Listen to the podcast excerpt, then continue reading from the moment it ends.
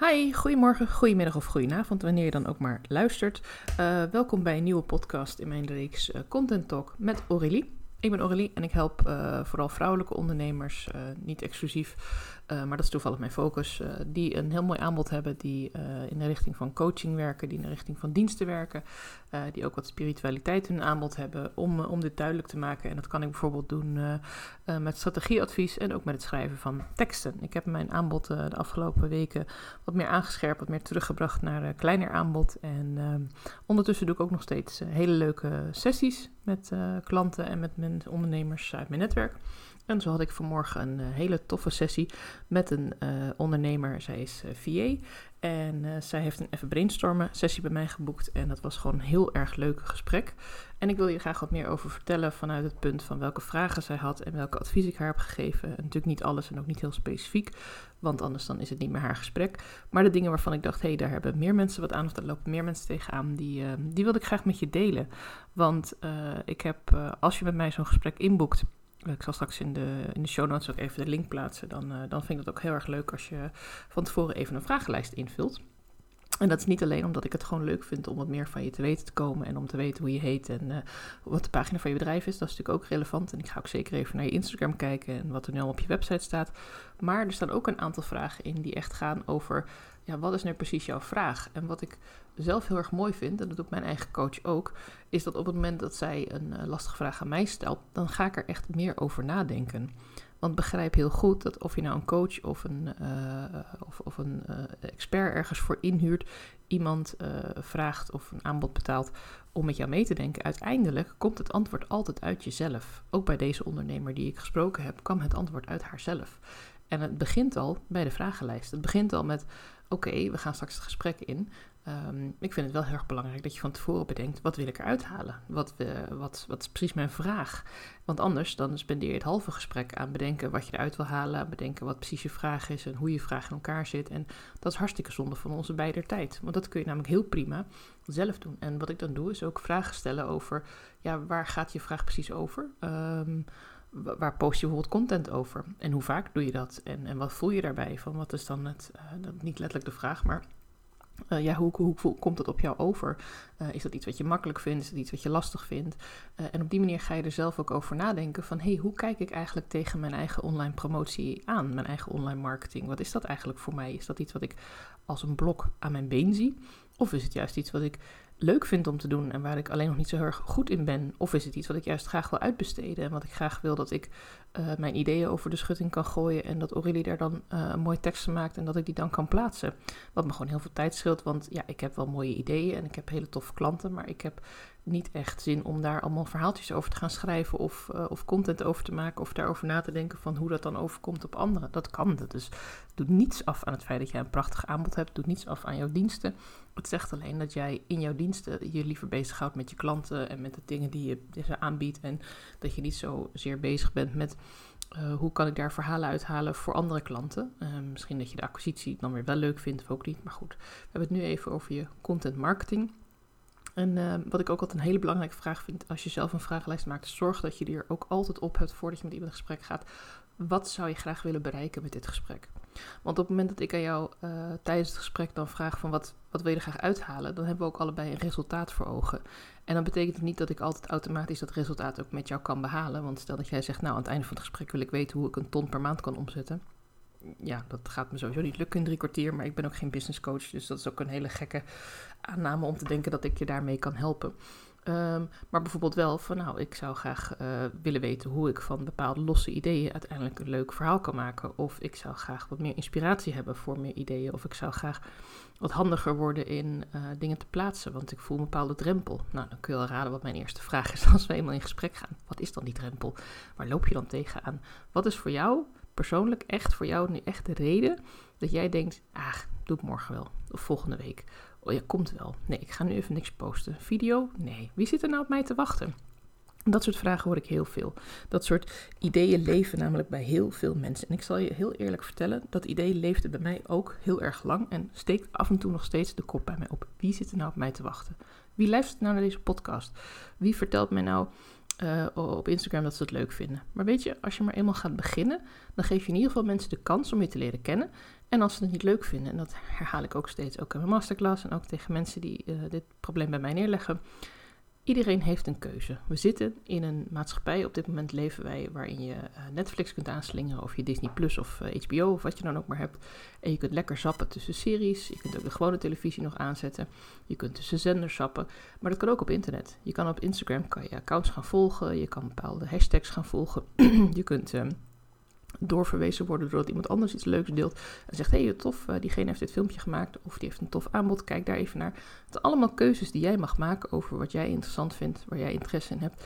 En als dat na 5 of na 10 of na 30 seconden blijkt, nee, dit is niet interessant of dit gaat niet over mij of ik heb er nu geen tijd voor, dan klik je het weg. En dat geldt ook voor mijn podcast, dat geldt ook voor mijn feed, dat geldt ook voor mijn stories en dat geldt ook voor de stories en posts van mijn uh, klant van vanmorgen. Niet iedereen vindt alles wat zij wil delen even interessant.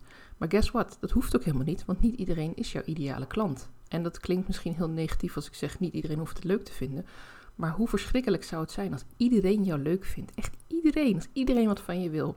Kun je dat? Hoeveel uren zitten er in jouw dag? Mijn dag heeft 24 uur, van ik er toch wel een goede 8 of 9 in alle rust wil doorbreng. Ik zal niet zeggen dat ik 8 uur slaap krijg elke nacht, maar ik sta wel redelijk uit een aantal uren. Uh, ik wil misschien nog even met mijn kinderen. Ik wil een hapje eten, boodschapje doen, mijn huis eens een keer schoonmaken, wasje wegdraaien, weet ik veel. Boekje lezen, zelf een training volgen. Ik ga toch niet 24 uur per dag de hele dag iedereen maar helpen? Nee, tuurlijk niet. Je helpt een bepaalde doelgroep. Uh, niet alleen omdat je uh, gewoon niet iedereen kunt helpen fysiek, maar ook omdat je niet met iedereen door één deur kunt. Omdat je niet alle problemen van iedereen precies begrijpt, omdat mensen uniek zijn. Maar ze hebben wel bepaalde dingen waar ze tegenaan lopen. Ik kom altijd weer terug op het probleem van die slaapproblemen. Er zijn mensen die uh, slaapproblemen hebben omdat ze veel te veel koffie drinken. Ja, die hebben een andere aanpak nodig dan mensen die niet kunnen slapen omdat hun hoofd nooit stilstaat. Omdat ze altijd maar aan het bedenken zijn, aan het piekeren zijn, aan het ratelen zijn in hun hoofd. Dat zijn twee totaal uiteenlopende problemen. Maar, uh, nee, sorry, oorzaken van het probleem. Want het probleem, dat wil ik zeggen, is hetzelfde. Je slaapt niet s'nachts.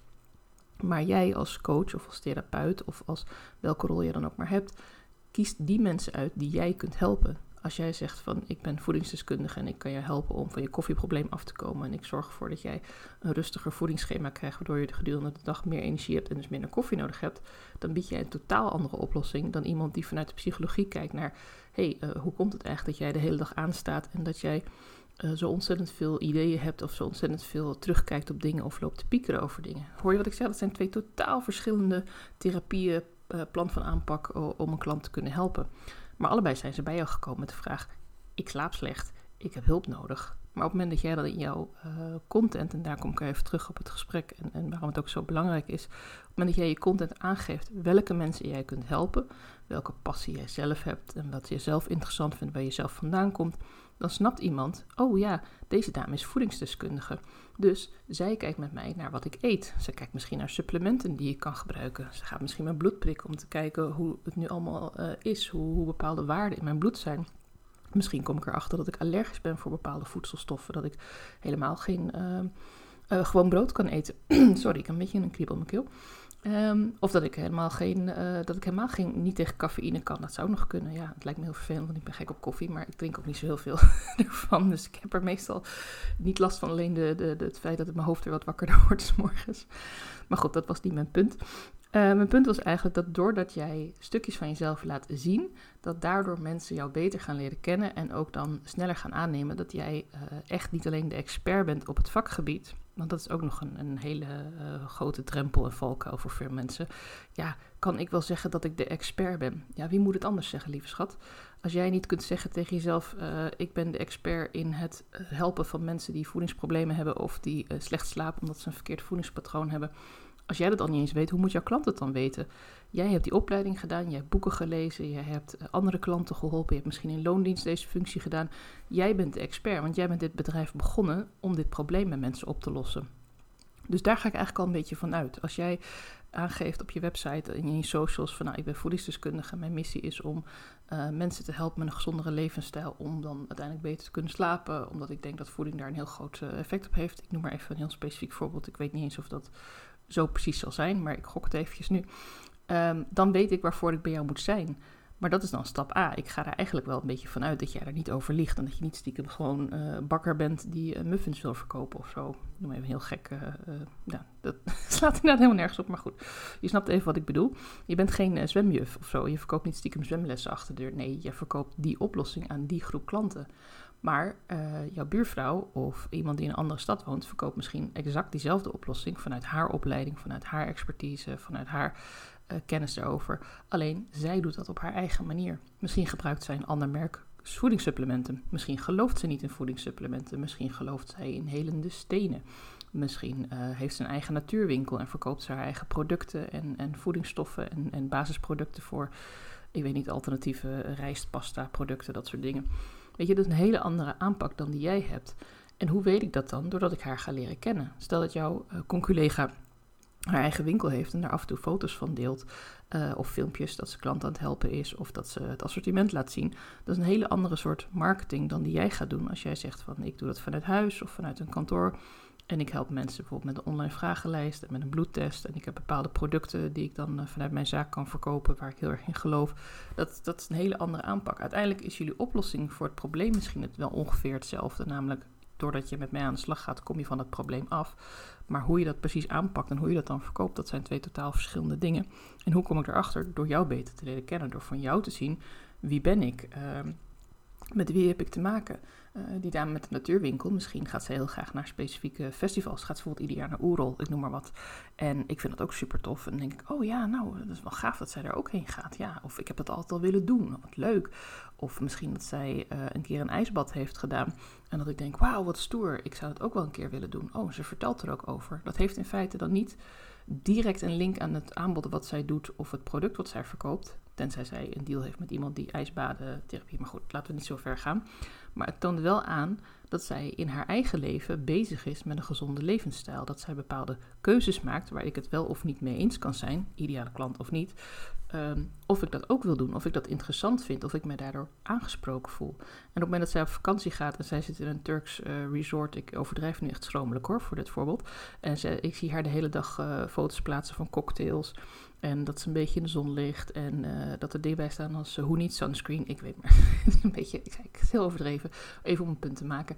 Dan heb ik daar minder een klik mee, denk ik. Als ik uh, bij haar wil komen voor gezonde voeding en voor gezond leefstijladvies dan als zij een post maakt dat zij uh, ook naar Turkije is gegaan, maar bijvoorbeeld af en toe ook dagjes uitgaat. Of zegt van nou, ik drink best af en toe een glaasje, maar ik drink ook veel water.